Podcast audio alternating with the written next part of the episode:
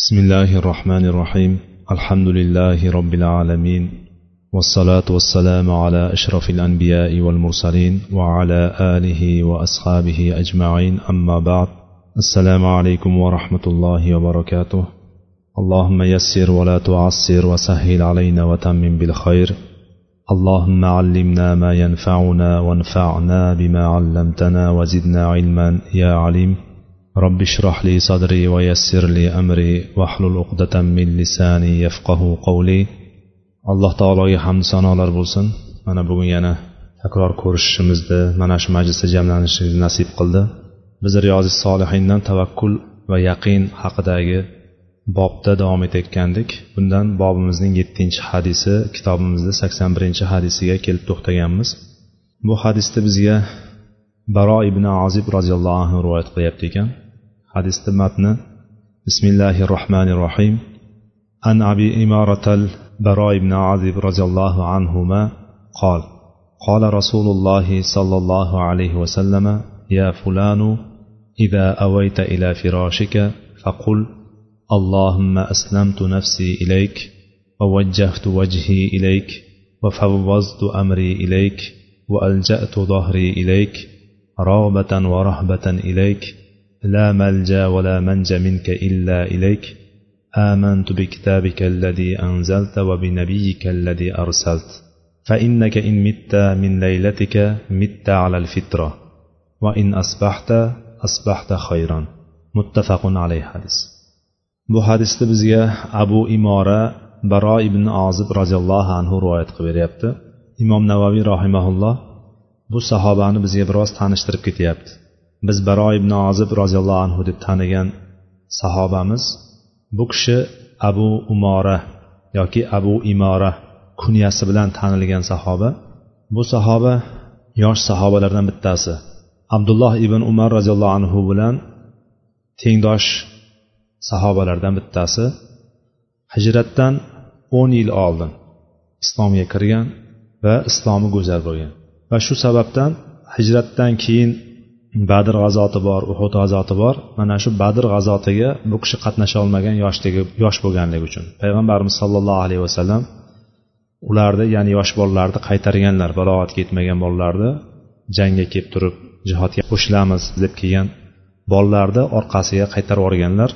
Va o'sha paytda bolalar o'sha jihodga qatnashmaganligi sababidan kimdir kelib qatnasha olmasdan orqaga qaytarib yuboriladigan bo'lsa yoki yosh jihatidan yoki boyagi aytayotganday o'zidagi jismoniy e, jismoniy kamchiliklari bo'lgan jihatidan yoki mol davlati bo'lmagani jihatidan orqaga qaytarib oladigan bo'lsa o'shalar yig'lagan holatda orqaga qaytib ketishgan. Mana shu sahobalardan bittasi mana baro ibn ozib roziyallohu anhu ibn haris baro ibn ozib ibn haris abu umora ansoriy roziyallohu anhu bu kishi ansorlardan bo'lgan. Ansorda avs qabilasidan bo'lgan sahoba ekan.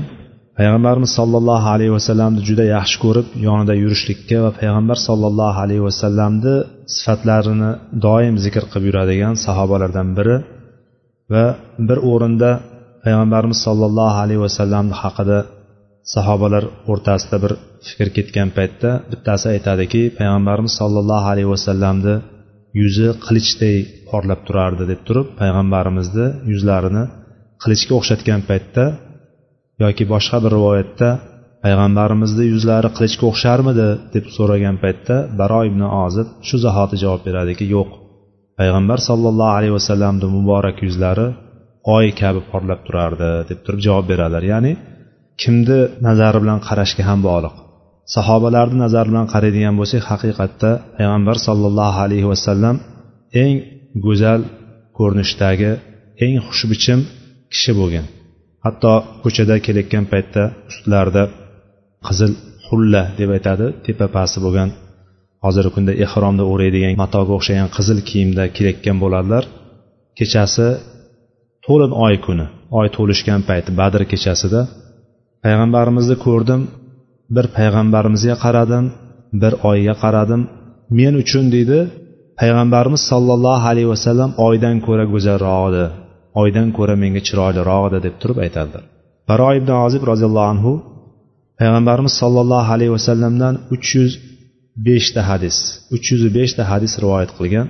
Mana bu hadislar hadis kitoblarimizda ya'ni oltita hadis kitoblarimizda kelgan. Shu jumladan buxoriy va muslimni kitoblarida ham kelgan. U kishini yoshi kichkina bo'lganligi uchun hozir aytganimizdek badr jangiga qatnasha olmadi deb aytdik. Uhud jangiga qatnashganida ham ixtilof bor. Uhud jangiga qatnashdimi yo'qmi deganda ixtilof bor. Ba'zilar uhud jangiga qatna uhud jangidan boshlab turib bironta jangda qolmadi. Hamma jangda ishtirok etdi deb aytadigan bo'lsa muhammad ibn umar aytadiki payg'ambarimiz sollallohu alayhi vasallam baro ibn azibga handaq kunidan boshlab turib ruxsat berdilar jangga ishtirok etishlikka jihodda ishtirok etishlikka handaq kunidan. Handaq kuni bilamiz hijriy beshinchi yilda bo'lgan. Hijriy beshinchi yilda bo'lgan. Bu o'sha paytda baro ibn ozib roziyallohu anhu o'n besh yoshda bo'lgan. Ya'ni balog'at yoshiga kelgandan keyin o'n besh yoshda bilagiga kuch kirgandan keyin ana o'shanda jihodga ruxsat bergan deb aytadi. Ba'zilar bo'lsa uhuddan boshlab turib jihodda ishtirok etgan deb aytishadi. Vallohu alam bu yerda to'g'riroq bo'lgani o'n besh yoshda ya'ni shu balog'atga kirgan paytdagi bo'lgani mana shu qandaq kunidan. Undan keyingi qolgan janglar hammasida ishtirok etganligi kelib chiqadi. Baro ibn azib roziyallohu anhu yetmish ikkinchi hijriy yilgacha yashaydilar. Ali roziyallohu anhu davrida vafot etadilar. Ali roziyallohu anhuning xilofati davrida hijriy yetmish ikkinchi yilda demak sakson ikki yoshda bo'ladilar. O'shanda vafot etadilar. Alloh undan rozi bo'lsin. Bu kishi bizga hadisni rivoyat qilib beryapti. Bu hadis biz hammamiz yod biladigan yoki yod bilmaydigan bo'lsak bundan keyin yodlab oladigan e, zikrlar bobida kelgan va payg'ambarimiz sollallohu alayhi vasallam sunnatlaridan bo'lgan bir amal bir duo haqida bahs qiladi hozir. Payg'ambarimiz sollallohu alayhi vasallam aytdilarki ey falonchi agar to'shagingga kiradigan bo'lsang to'shagingga yotadigan bo'lsang ya'ni kechqurun yotishlik haqida gapiryapti. Agar yotog'ingga yotadigan bo'lsang shunday degin deb turib payg'ambarimiz sallallohu alayhi vasallam duoni o'rgatdilar. Allohimma aslamtu nafsi ilayk va vajjahtu vajhi ilayk va favvaztu amri ilayk va aljatu zohri ilayk robatan va rohbatan ilayk. La malja va la manja minka illa ilayk. Amantu bi kitabika allazi anzalt. va binabiyi kalladi arsal deb turib o'rgatdilar. Mana bu duo tarjimasi allohim men o'zimni senga topshirdim. Aslamtu nafsi ilayk o'zimni senga topshirdim. Ya'ni inson kechqurun uxlayotgan paytda uxlaganda qanday holatda bo'ladi? Ertaga yana qayta alloh taolo unga ruhini qaytarib beradimi yo'qmi? Va uxlagan paytda inson g'aflatda bo'ladi. Nima bo'lishligini birozdan keyin nima bo'lishligini yoki o'sha uxlab yotgan paytda nima bo'lishligini bilmaganligi uchun inson nima qiladi? O'sha payt allohga o'zini topshirib yotishligi kerak. Bu sunnatda kelyapti bizga. O'rgatyaptilarki payg'ambarimiz allohim o'zimni senga topshirdim.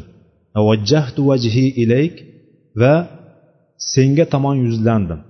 Va favvaztu amri ilayk va ishimni senga havola qildim. Ishlarimni senga topshirib qo'ydim. Va aljatu zohri ilayk robatan va rohbatan ilayk. Men senga orqamni suyadim senga rag'bat qilgan holatda va sendan qo'rqqan holatda. Senga rag'bat qilib va rahbat degani qo'rquv.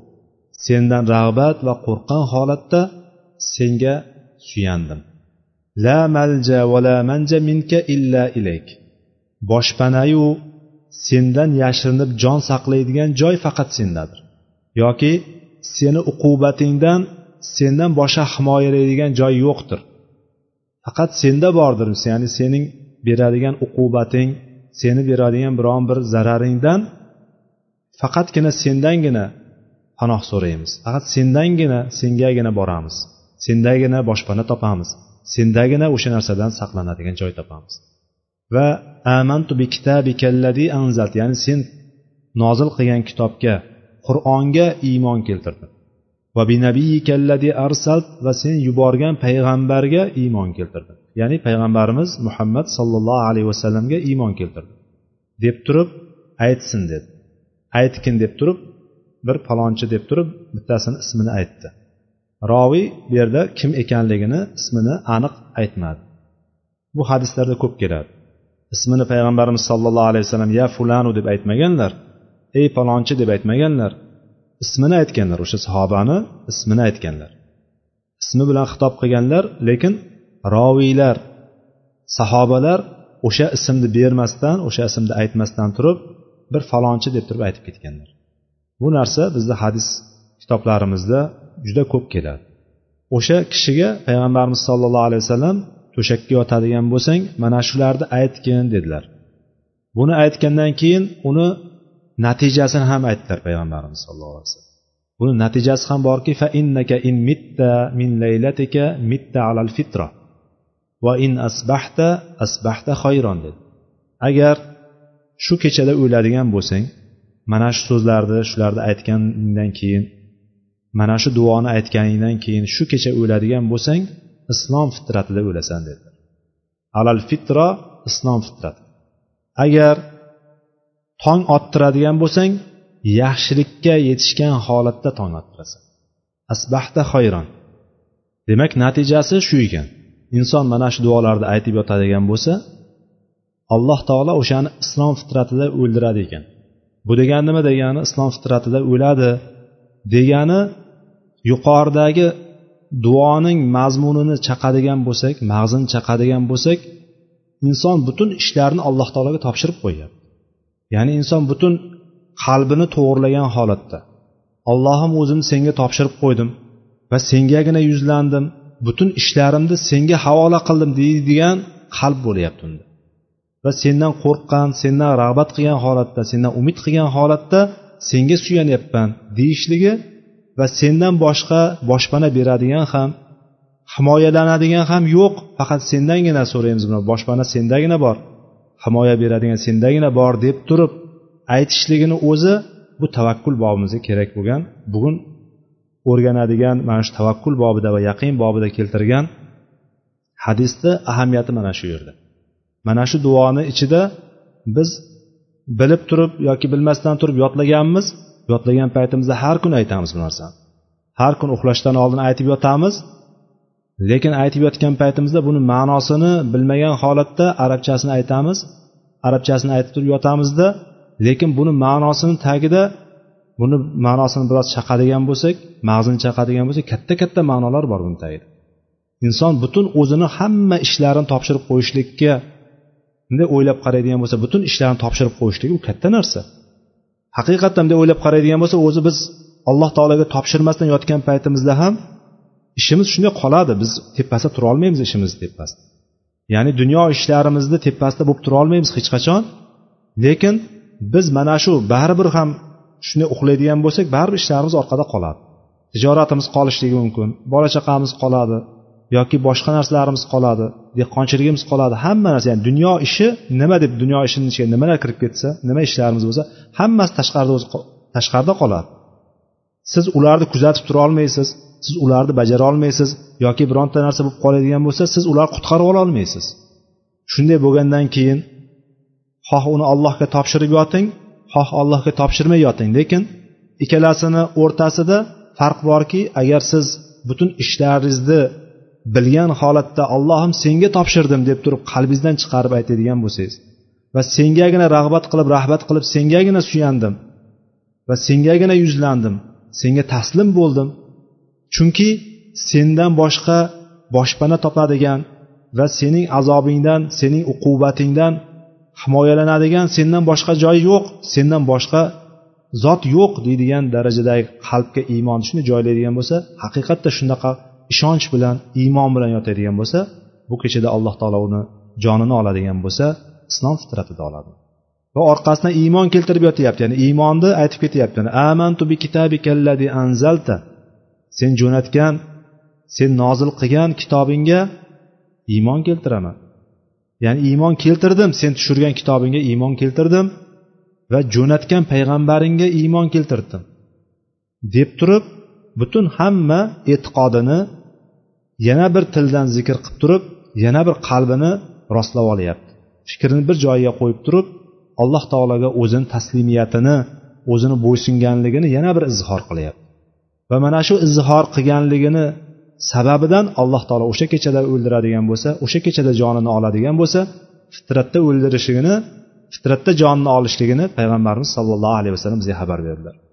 Agar alloh taolo o'sha kechada ruhini qaytarib beradigan bo'lsa unga jon beradigan bo'lsa ertalab yana qayta uyg'onadigan bo'lsa u yaxshi holatda.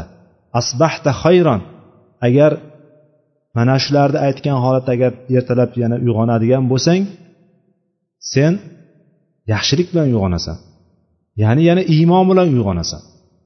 Inson uxlagandan keyin kichik o'limga kiradi.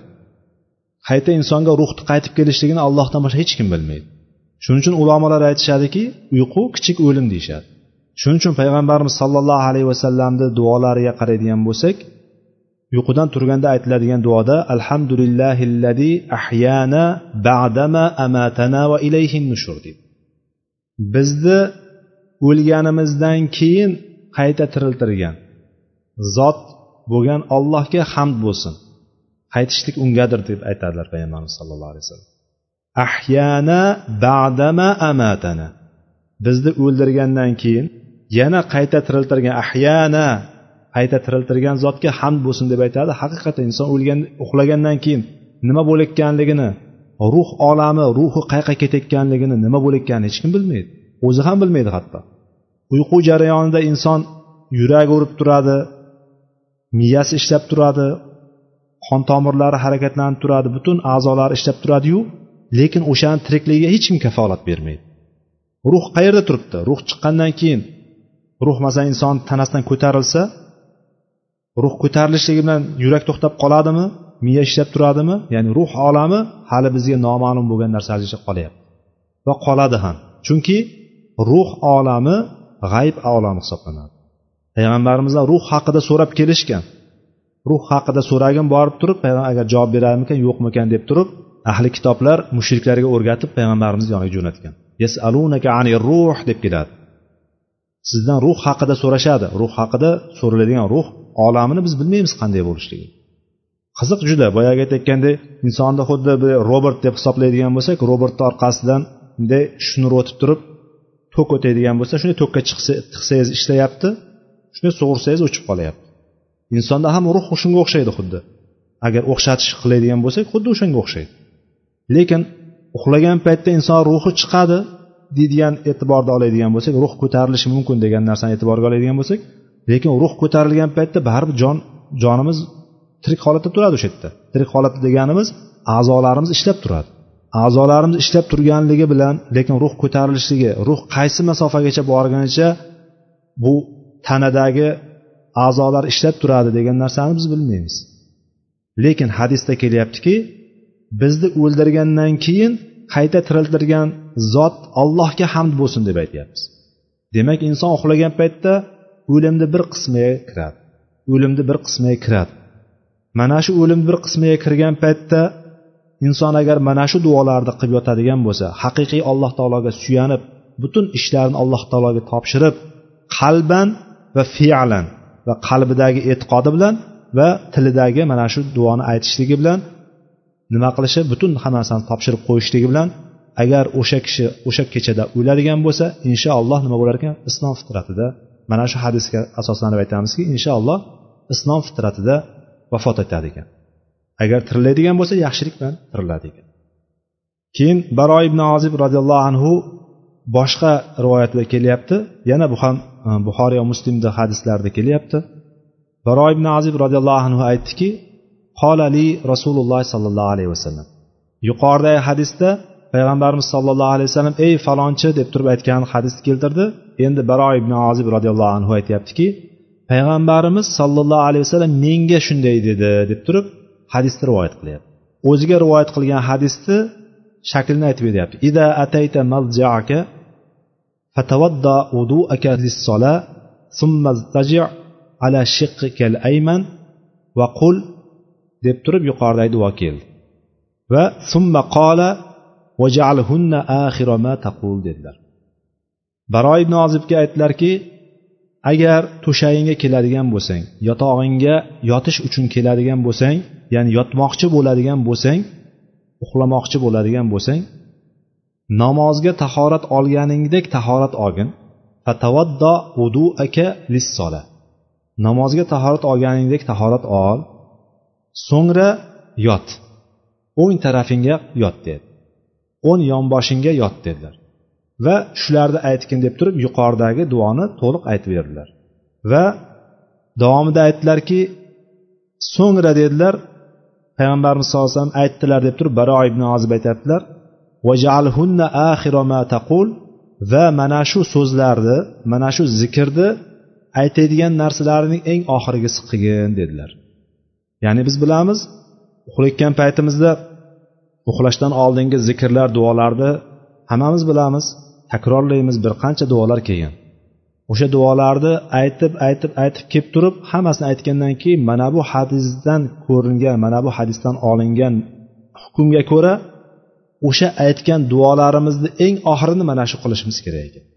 Buni ichida inson yotgan paytida aytadigan duo undan keyin biz bilamiz uchta qulni ixlos falaq nas suralarini o'qib turib qo'lni jamlab turib o'sha o'shalarga qo'lga o'qib turib badanga surtishlik uch marta.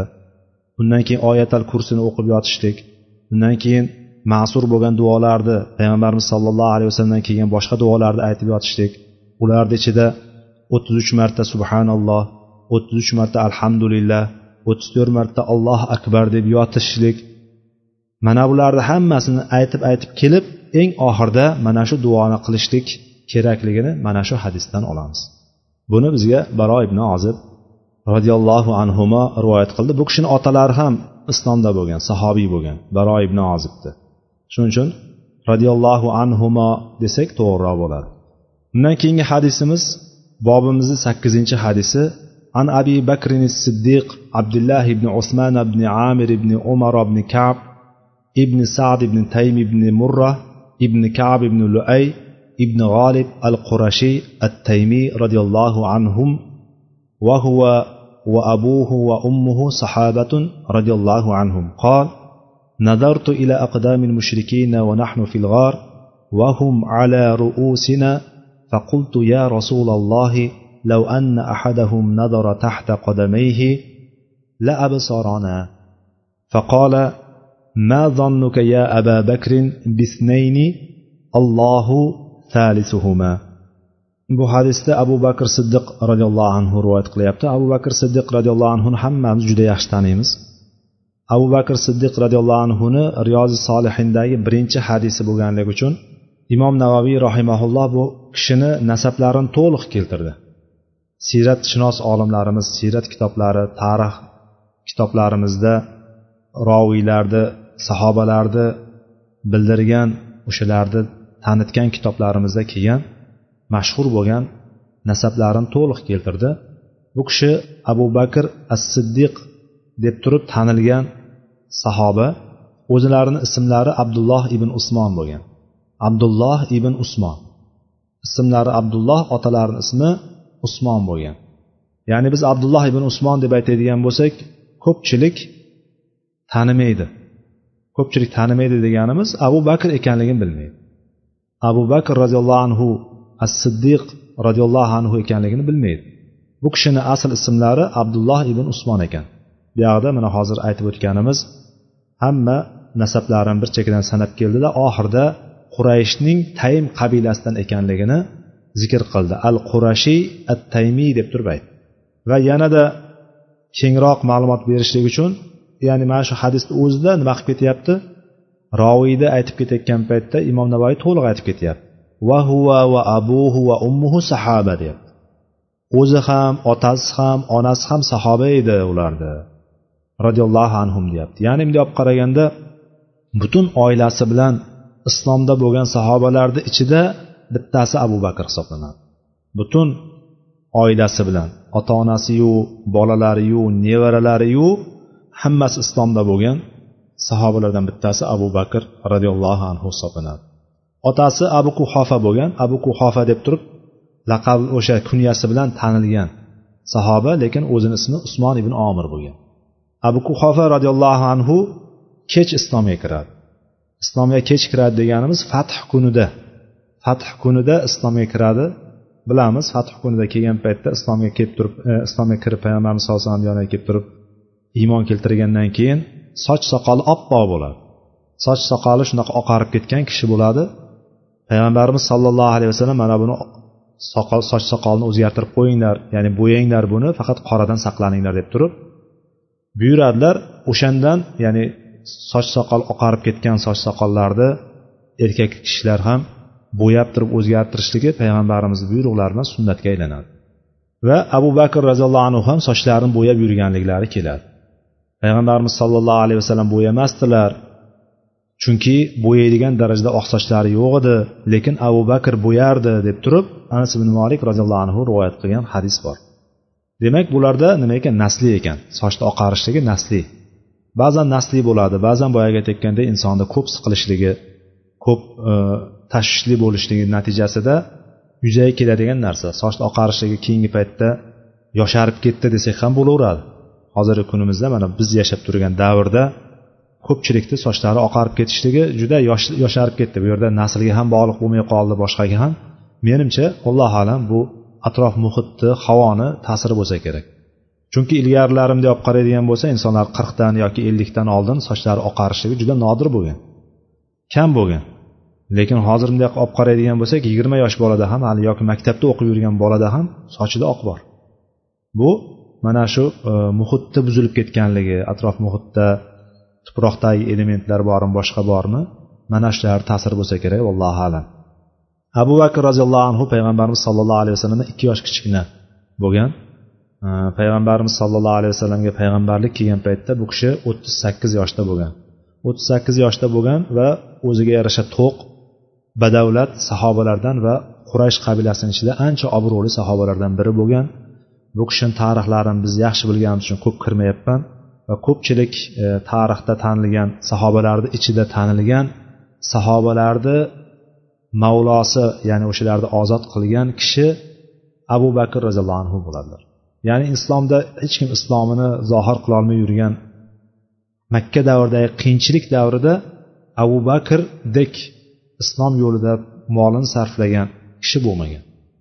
O'sha paytda qancha qancha qullarni sotib turib ularni ozod qilgan. O'sha azoblanib turgan qullarni ozod qilgan sahoba abu bakr roziyallohu anhu bo'ladi.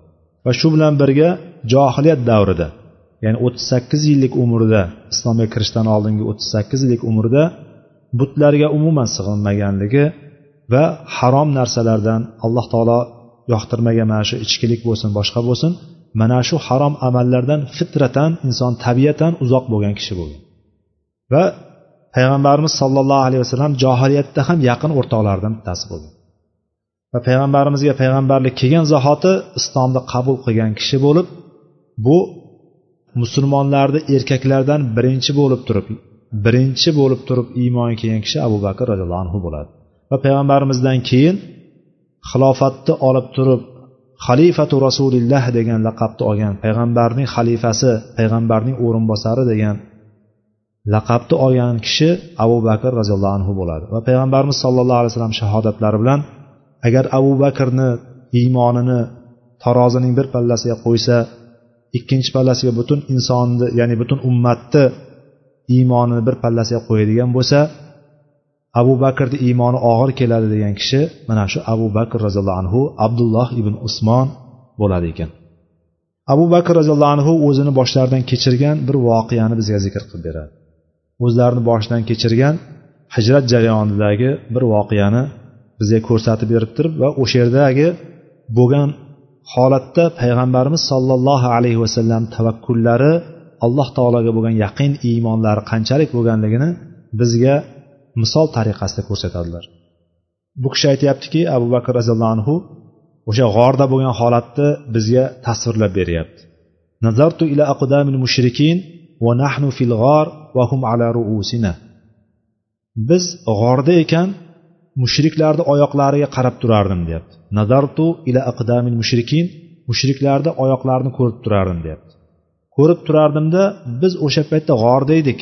Ya'ni bundan ko'rinadiki vahum ala ruusina ular bizni tepamizda edi degani g'or pastda bo'lganligi ular tepadaligiga ishora bo'ladi. Biz g'or degan paytimizda ko'pincha to'g'rida yoki bunday tepada bu narsa tushunamiz lekin bu g'orni holati savur g'ori bo'lgan. Bu g'orni nomi makkadan uch mil uzoqlikdagi masofada. Payg'ambarimiz sollallohu alayhi vasallam o'sha yerda chiqishlaridan oldin o'zlariga hamroh qilib turib abu bakr tanlaydilar. Buni yaxshi bilamiz unga ham ko'p kirmaymiz.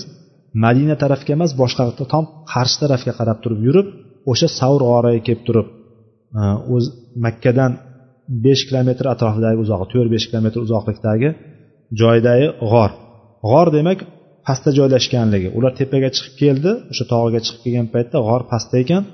o'sha pastga qarab turibdi ya'ni o'sha pastga qaraganda edi oyoqlarini ostiga qaragan edi bizni ko'rardi dedi abu bakr bizga tasvirlab beryapti ko'zimizni oldiga gavdalantiryapti mushriklarni ko'rdim oyoqlarini biz g'orda edik va ular bizni tepamizda edi payg'ambarimizga shunday dedim ey ollohni rasuli ya rasululloh لو أن أحدهم نظر تحت قدميه لأبصرنا agar ey ollohning rasuli ular oyog'ini ostiga qaraydigan bo'lsa ulardan bittasi agar bordiyu oyog'ini ostiga qarab qoladigan bo'lsa bizni ko'rib qolardi. Albatta ko'rib qolardi. La abasorona la ta'kid bilan kelyapti. Lomi ta'kid bilan kelyaptiki albatta bizni ko'rgan bo'ladi shunday qarab qo'ysa bo'ldi. Anna ahadana ikkita ta'kid bilan kelyaptida. Birinchi takid anna ahada anna bilan kelyapti. Undan keyin la absorona deyapti. Ikkita ta'kid bilan aytyapti. Uchta ta'kid desak ham bo'ladi. Agar bittalari oyog'ini ostiga qarasa albatta batahqiq bizni ko'rgan bo'lardi shunda payg'ambarimiz sollallohu alayhi vasallam abu bakrni gapiga javob berdilar. Ya aba bakrin bisnayni allohu salisuhuma. Ey abu bakr uchinchilari olloh bo'lgan ikki kishi haqida nima deb o'ylaysiz dedi. Ya'ni olloh yonlarida turgan olloh ularni himoya qilib qo'yadigan bo'lsa olloh ularni ularga yordamini berib qo'yadigan bo'lsa ularga biror kishi zarar bera oladi deb o'ylaysizmi? Dedi go'yo. Olloh ularga yordam berib turgan bo'lsa olloh o'zini nusratini berib qo'ygan bo'lsa olloh ularni himoya qiladigan bo'lsa kim ularga zarar bera olardi? Kim ham zarar berishlikka yoki kim ham bir yomonlikni ularga keltira yomonlik qilishlikka kim ham qodir bo'la olardi? dedi payg'ambarimiz sallallohu alayhi vasallam bu muttafaqun alayhi hadis. Ya'ni haqiqatda payg'ambarimiz sollallohu alayhi vasallamni iymonlari qanchalik bo'lganligini tavakkullari alloh subhana taologa butun suyanishliklari tavakkullari qanchalik bo'lganligini mana shu o'rindan bilamiz. Ya'ni bunda payg'ambarimiz sollallohu alayhi vasallamni hijrat qilib chiqib ketganligini bilgan holatda mushriklar qanchalik harakat qilishdi? Bor kuchini sarflab turib odamlarni hamma joyini yig'ib turib yana katta mukofot tayin qildi. Payg'ambarimizni boshiga kim e, muhammadni tutib keladigan bo'lsa yuzta tuya beramiz deyishdi. E'lon qilishdi bu narsani abu bakrni kim tutib keladigan bo'lsa yuzta tuya beramiz deb turib va'da qilishdi. Payg'ambarimizni ham abu bakrni ham boshiga yuztadan tuya tikilgan. Bitta tuyasi bor odam ikkita tuyasi bor odam boy hisoblangan o'sha paytda. O'sha davrda ikkita tuyasi bor odam boy hisoblangan. Tavba bobida kab ibn molikni zikr qilgandiga holatini. Hech qaysi payt o'sha tabuk g'azotiga ketishdan oldingiday boy emasdim. O'sha paytda ikkita tuyam bor edi deb aytgandi o'shanda esladiki ikkita tuyasi bor odam boy hisoblangan. Endi bitta kishiga yuzta tuya va'da qilinishligi hozirgi kundagi eng oldi mashinalarni eng oxirgi marka mashinalardan yuztada va'da qilinganga o'xshaydi go'yo. Endi qanchalik katta mukofot tikilgani qanchalik katta narsa tikilganiga bir tasavvurimiz paydo bo'ldi endi. Ular hammasi oyog'ini qo'liga olib turib yugurib qidirib boshlashdi. Hammasi butun jon jahdini berib hamma ishini yig'ishtirib qo'yib turib hamma har tarafga tarqalib ketib qoldi. Mushriklar shu ikki kishini topsak tamom yuzta tuyaga ega bo'laman ekan degan narsani hamma tomonga qidirib ketdiki hamma har yoqda vodiylar ham qolmadi o'sha yerdagi dashtlar ham qolmadi tog'lar ham qolmadi hatto g'orlar ham qolmadi. Mana g'orni tepasi ham kelib turib bunday u yoqqa qarashdida shu g'orga shunday pastga qarab turib ichiga bunday qarashlikka alloh taolo ularni qalbini nima qilib qo'ydi? Burib qo'ydi. Alloh taolo o'shalarni qalbini boshqa tarafga burib qo'ydi o'sha yerdan shunday turib qaytib ketib qolishdi. Mana bu holatda abu bakr roziyallohu anhu o'zini qayg'ularini o'zini g'amlarini o'zini tashvishlarini bildirgan paytda qur'onda ham alloh taolo aytyaptiki payg'ambarimizni so'zlarini keltiryapti abu bakrga nisbatan la tahzan innalloha maana dedi. Payg'ambarimiz sollallohu alayhi vasallam abu bakrga mahzun bo'lmang xafa bo'lmang albatta alloh taolo biz bilan birgadir deb aytdi. Alloh taolo payg'ambarimizni tilida mana shu so'zni chiqqanligini aytyapti. Endi hadisda ma zonnuka ya aba bakrin bisnayni allohu salisuhuma ikkita lafz kelyapti bizda. Bittasi qur'onda bittasi hadisda. Ikkalasi ham ma'nosi ayni. Olloh biz bilan birga siz mahzun bo'lmang dedilar payg'ambarimiz. Abu bakrni mahzun bo'layotganini qayg'u chekayotganini g'am chekayotganligini o'sha yerda tasvirlab beryapti oyatda. Juda bir daqiq kelyapti. La tahzan deyapti la tahof demayapti. Qo'rqmang demayapti. La tahof deb kelmayapti. La tahzan deb kelyapti. Ya'ni abu bakr roziyallohu anhu ulardan qo'rqmadilar. Tashvish qildilar g'am chekdilar. Nima uchun? Agar ular hozir qo'lga tushib qoladigan bo'lsa payg'ambarimizga katta ozor yetishligidan o'sha paytda qayg'urdilar o'shanga. Shuning uchun payg'ambarimiz sollallohu alayhi vasallam mahzun bo'lmang dedilar. Mana bundan ko'rinadiki ular mushriklar keldi g'or tepasiga kelib turib o'sha yerda turgan holatda orqaga qaytib ketganligi keladi. Rivoyatlarda ba'zi bir tarix kitoblarida keladi o'rgamchak in qurib qo'yganligi o'sha g'orni tepasiga g'orni og'ziga o'rgamchak in qurib qo'yganligi va o'sha yerda kaptar in qurganligi kaptarni o'zi ham o'sha yerda turganligi rivoyati keladi.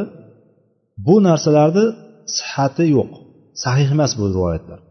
Bu rivoyatlarni sahih emasligi mana bu mana bu hadisga va oyatga zid kelishligini o'zi o'sha ma'nosi teskari kelishligini o'zi yetarli birinchidan bularni tagi yo'q asli sahih bo'lib kelmagan. Boyagi rivoyatlar ya'ni o'rgamchakni in qurganligi yo'q. O'sha yerda e, kabutarni inida o'tirganligi. Bular sahiyligida o'zi yo'q mana bu hadislarda kelayotganligi agar qarasa bo'lar deb turib qo'rqishligi nimadan bo'ldi uni? Agar kaptar in qo'yib qo'ygan bo'lsa o'rgamchak g'orni og'zini to'sib qo'ygan bo'lsa o'shan bilan o'nib qolishligi mumkin ediku. O'shanga qarab turib indamay qo'yaverishligi ham oh, mana shular borku degan narsa o'shalar bor bunga qarab turib qaytib ketadi degan narsa kelishligi mumkin edi. Lekin ulardan bittasi qarasa albatta ko'rgan bo'lardi deb aytyapti. U rivoyatga qaytadigan bo'lsak ular kelib turib bunday qaragan. Qaragan paytda g'orni og'ziga kelib turib qaragan. G'orni og'ziga qarasa in turibdi o'rgamchak to'r turibdi. Ha bu yerga hech kim kirmagan deb qaytib ketyapti. Lekin hadisda bo'ladigan deymiz qaraydigan bo'lsa albatta ko'rardi deb kelyapti ya'ni bu yerda alloh subhana taoloni mo'jizasi bo'lyaptiki alloh taoloni mo'jizasi bilan alloh taoloni bir katta bir alomati bo'lyaptiki o'sha yerda mushriklarni qalbini burib qo'yyapti. Ularni hassiy ko'rib turgan ko'zi bilan ko'rgan narsasi bilan qaytib ketmayapti ular. Agar faqat shu bo'ladigan bo'lsa uni ham bir yuzta tuyani ilinjida bo'lib turganlar ichiga kirib ko'raylik bir deb kirib ham ko'rgan bo'lardi agar o'sha o'rgamchak to'rini ham bunday yig'ishtirib tashlab turib kallasini tiqib ko'rgan bo'lardi.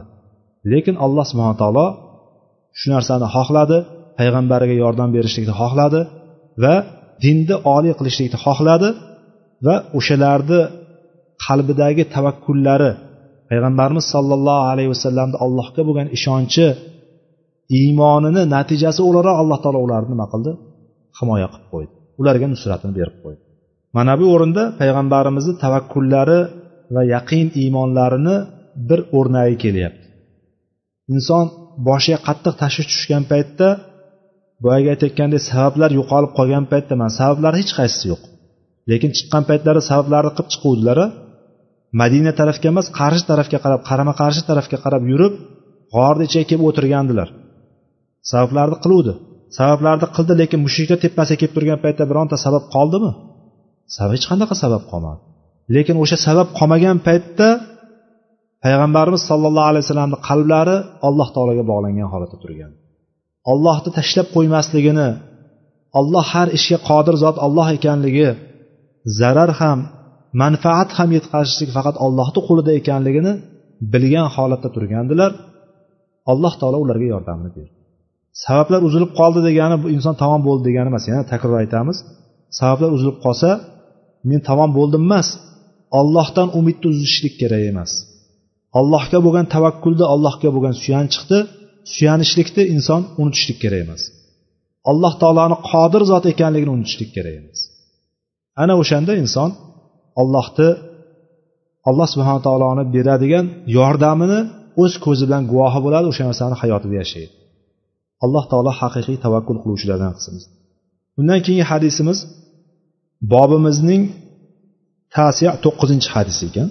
An ummil mu'minina ummi salamata wasmuha hind بنت أبي أمية خزيفة المخزومية رضي الله عنها أن النبي صلى الله عليه وسلم كان إذا خرج من بيته قال بسم الله توكلت على الله اللهم إني أعوذ بك أن أضل أو أضل أو أزل أو أزل أو أظلم أو أظلم أو أجهل أو يجهل علي.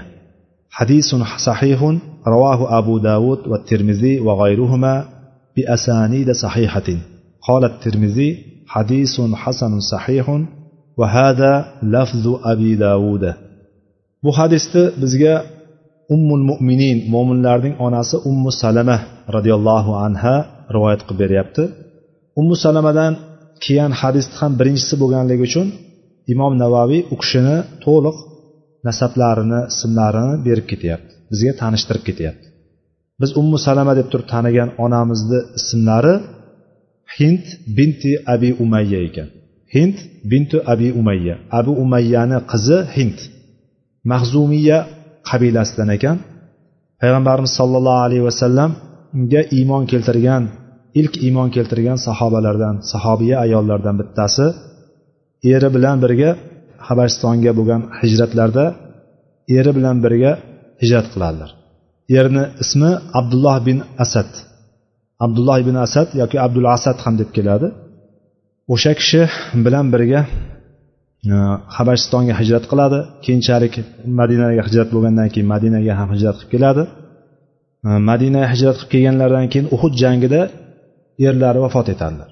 Erlar jarohat olib turib vafot etadi. Vafot etgandan keyin ma'lum vaqtdan keyin payg'ambarimiz alayhisalom alayhi vasallam sovchi bo'ladilar va unga uylanadilar. Payg'ambarimiz sollallohu alayhi vasallamni ayollarini ahli oilalarini ichida eng zakiylaridan o'zini o'tkir fikrlari bilan chuqur mulohazalari bilan tanilgan ummu salama onamiz hisoblanadi. Bizga ma'lumki o'sha hudaybiya sulhi bo'lgan paytda hudaybiyaga kelgan paytda orqaga qaytishga sulhni e, natijasi o'laroq orqaga qaytishga to'g'ri kelgan paytda payg'ambarimiz sollallohu alayhi vasallam orqaga qaytishligini hamma o'sha yerda qurbonligini qilib sochlarini oldirib qaytishligi kerakligini buyurgan paytda sahobalar hech qaysi qilmaydilar. Payg'ambarimiz juda tushkunlikka tushadilar. O'sha paytda juda og'ir ahvolga tushib qoladilar. O'shanda orqaga qaytib turib chodirga kirganda o'sha safarda ummu salama roziyallohu anho birga safarda birga chiqqan bo'ladilar payg'ambarimizni odatlari qur'a tashlab turib ayollardan bittasini o'zi bilan olib oladilar. Mana shunda ummu salama roziyallohu anho bo'ladilar shunda ummu salama roziyallohu anhuni fikrlari u kishini o'tkir fikrli keng mulohazali ekanligi shunda ma'lum bo'ladiki siz hech narsa demangda hech bir og'iz gapirmasdan turib chiqingda qurbonligingizni so'yib sochingizni oldiring deydilar. Sahobalar o'shanga qarab turib sizga ergashib ketadi deydilar. Payg'ambarimiz aytganini qiladi xuddi shunday chiqib turib qurbonligini so'yadilar sochlarini oldirgan paytda hamma sahobalar birin ketin payg'ambarimizga ergashib ketadilar. Bu kishi payg'ambarimiz sollallohu alayhi vasallamdan keyin ham uzoq umr ko'rganlar to'qson yoshlarga kirib vafot etgan ekanlar.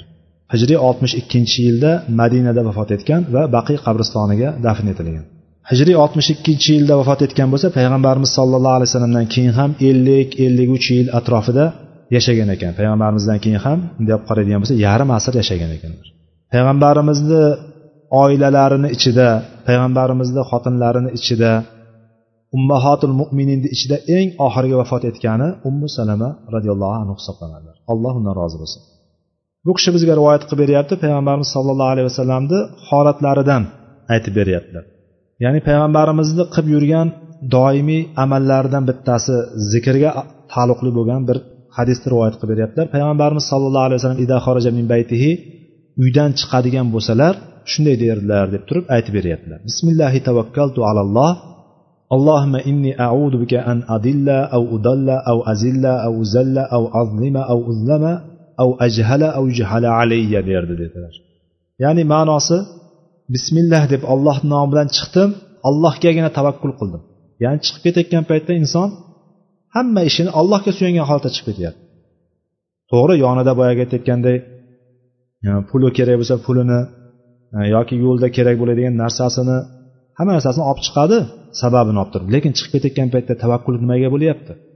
Allohga bo'lyapti. Yomg'ir yog'ib qoladi deb zo'ntigini olib olishlik mumkindir. Lekin tavakkul kimga bo'lyapti? Allohga bo'lishligi kerak. Mo'min kishini hayoti mana shunday bo'lishligi kerak. Payg'ambarimiz duolari zikrlariga qaraydigan bo'lsak ham butun e'tiqodimizni davolab qo'yadigan e'tiqodimizda qanday bo'lishligi kerakligini ko'rsatadigan hamma narsani olamiz biz. Mana shunda ham payg'ambarimiz alloh nomi bilan chiqaman allohgagina tavakkul qildim deb turib chiqardilar. Va orqasidan aytadilarki ey allohim bika an adilla au udalla. Ey robbim meni saqlagin nimadan? Meni menga panoh bergin adashishdan ya'ni o'zim adashib qolishligimdan yoki birontasini adashtirishdan o'zim xato qilib qo'yishlikdan yoki birontasini xato qildirib qo'yishlikdan yoki boshqacha tarjima qiladigan bo'lsa azilla au uzallani toyishdan ya'ni o'zim toyib ketishligimdan yoki boshqasini toydirishdan. Au azlima au uzlama. Menga birontasi zulm qilishligidan va men birovga zulm qilib qo'yishligimdan.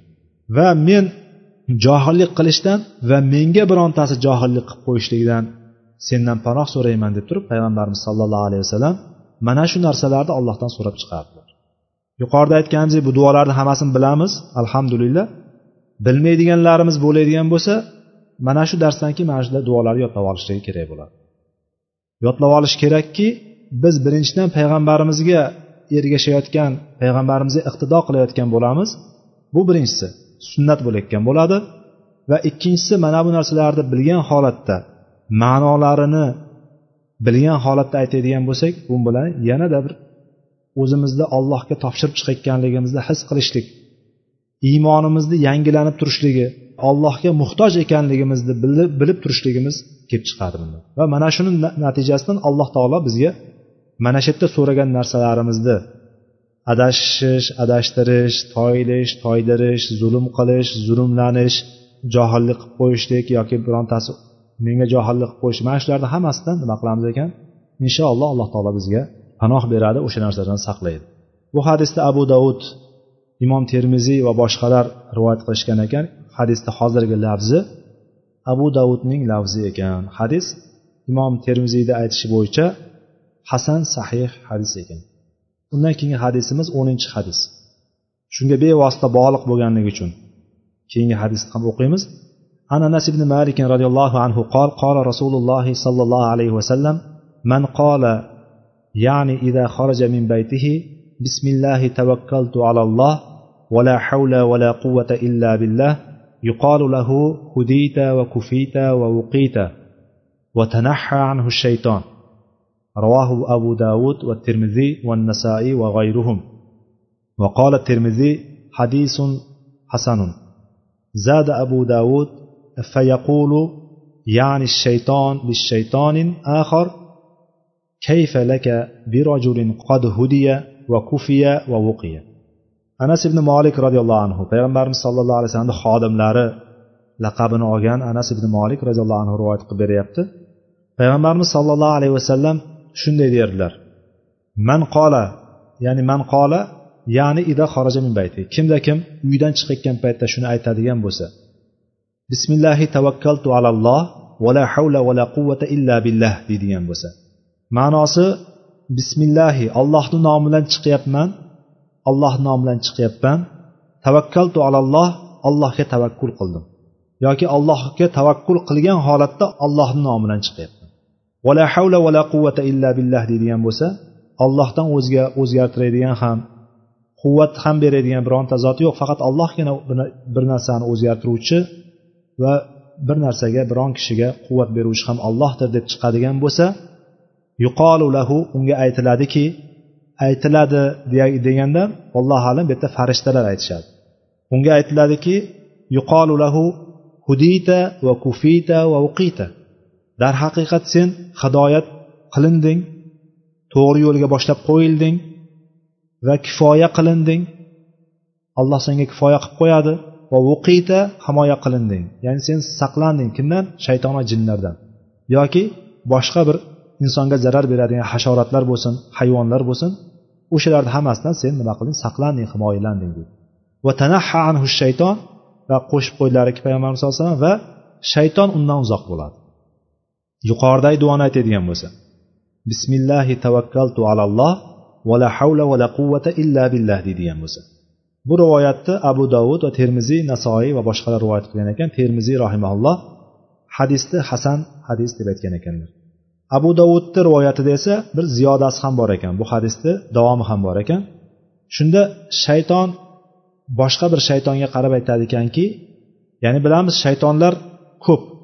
Ya'ni shaytonlarni katta tepasida kattasi bor. Avval shu jannatdan quvilgan iblis bor shaytonni kattasi. Va undan keyin shaytonvachchalar juda ko'p. Shaytonni bolalari shaytonni yordamchilari shaytonlar juda ko'p. O'sha shaytonlar dan bittasi aytarkanki ikkinchi shaytonga kayfalaka birojulin qad hudiya va kufiya va uqiya deydi ekan.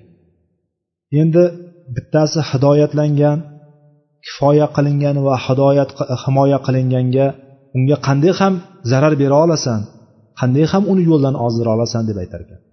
Ya'ni inson allohgagina tavakkul qilib chiqadigan bo'lsa va bir narsani o'zgartirishligi va quvvat berishligi faqat ollohdan ekanligini bilgan holatda allohga tavakkul qiladigan bo'lsa alloh taolo mana shu narsalarni unga evaz qilib berar ekan.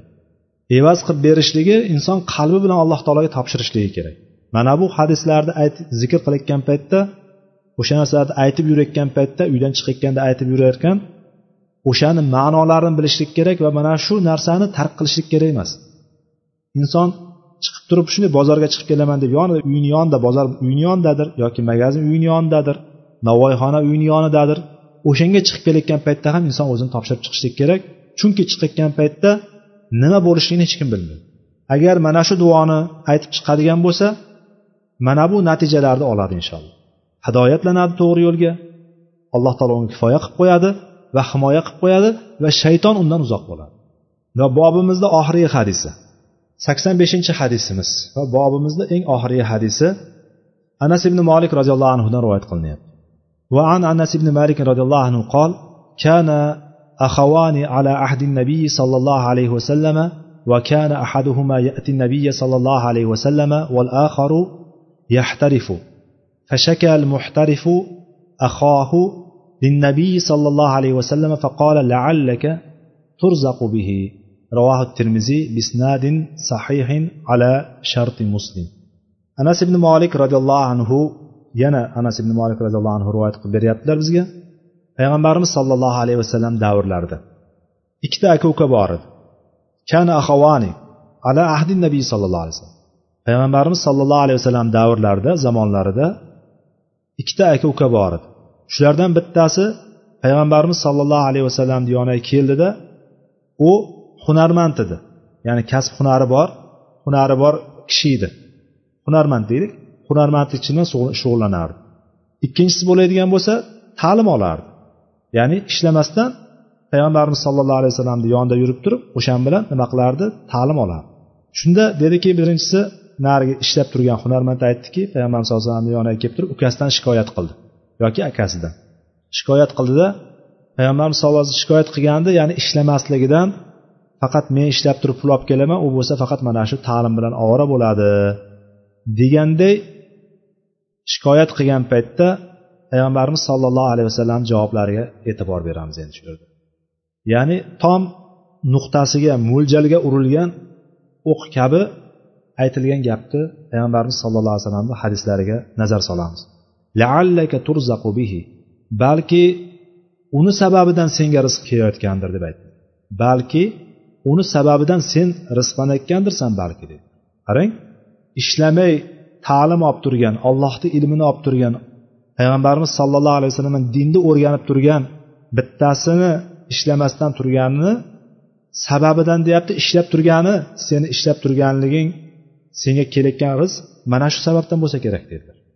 Mana bu hozirgi o'lchovga oladigan bo'lsak hamma tomon moddiy narsaga bog'lab qo'yilgan ishlamasang tishlamaysan deb qo'yilgan faqatgina ishlagan kishigina kunni ko'ra oladi. Kasb qilgan kishigina kunni ko'ra oladi. O'qimagan kunni ko'ra olmaydi deb turib hamma tomondan bizga zarbalar tushib turgan joyda mana bu hadis bu narsani butunlay qarama qarshisida bo'lgan narsani so'ylaydiki aytib beradiki bizni iymonlarimiz alloh subhana taologa bo'lgan e'tiqodimiz to'g'ri bo'lsin degan holat. Payg'ambarimiz aytyaptilarki o'shani sababidan senga rizq kelib turgandir balki dedi. Haqiqatda shunday. Biz rizqni nimadan kelayotganligini nima sababdan kelayotganligini bilmaymiz. Haqiqatda bilmaymiz.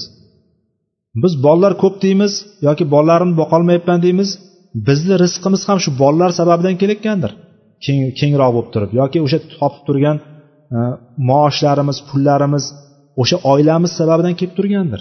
Bilmaymiz biz.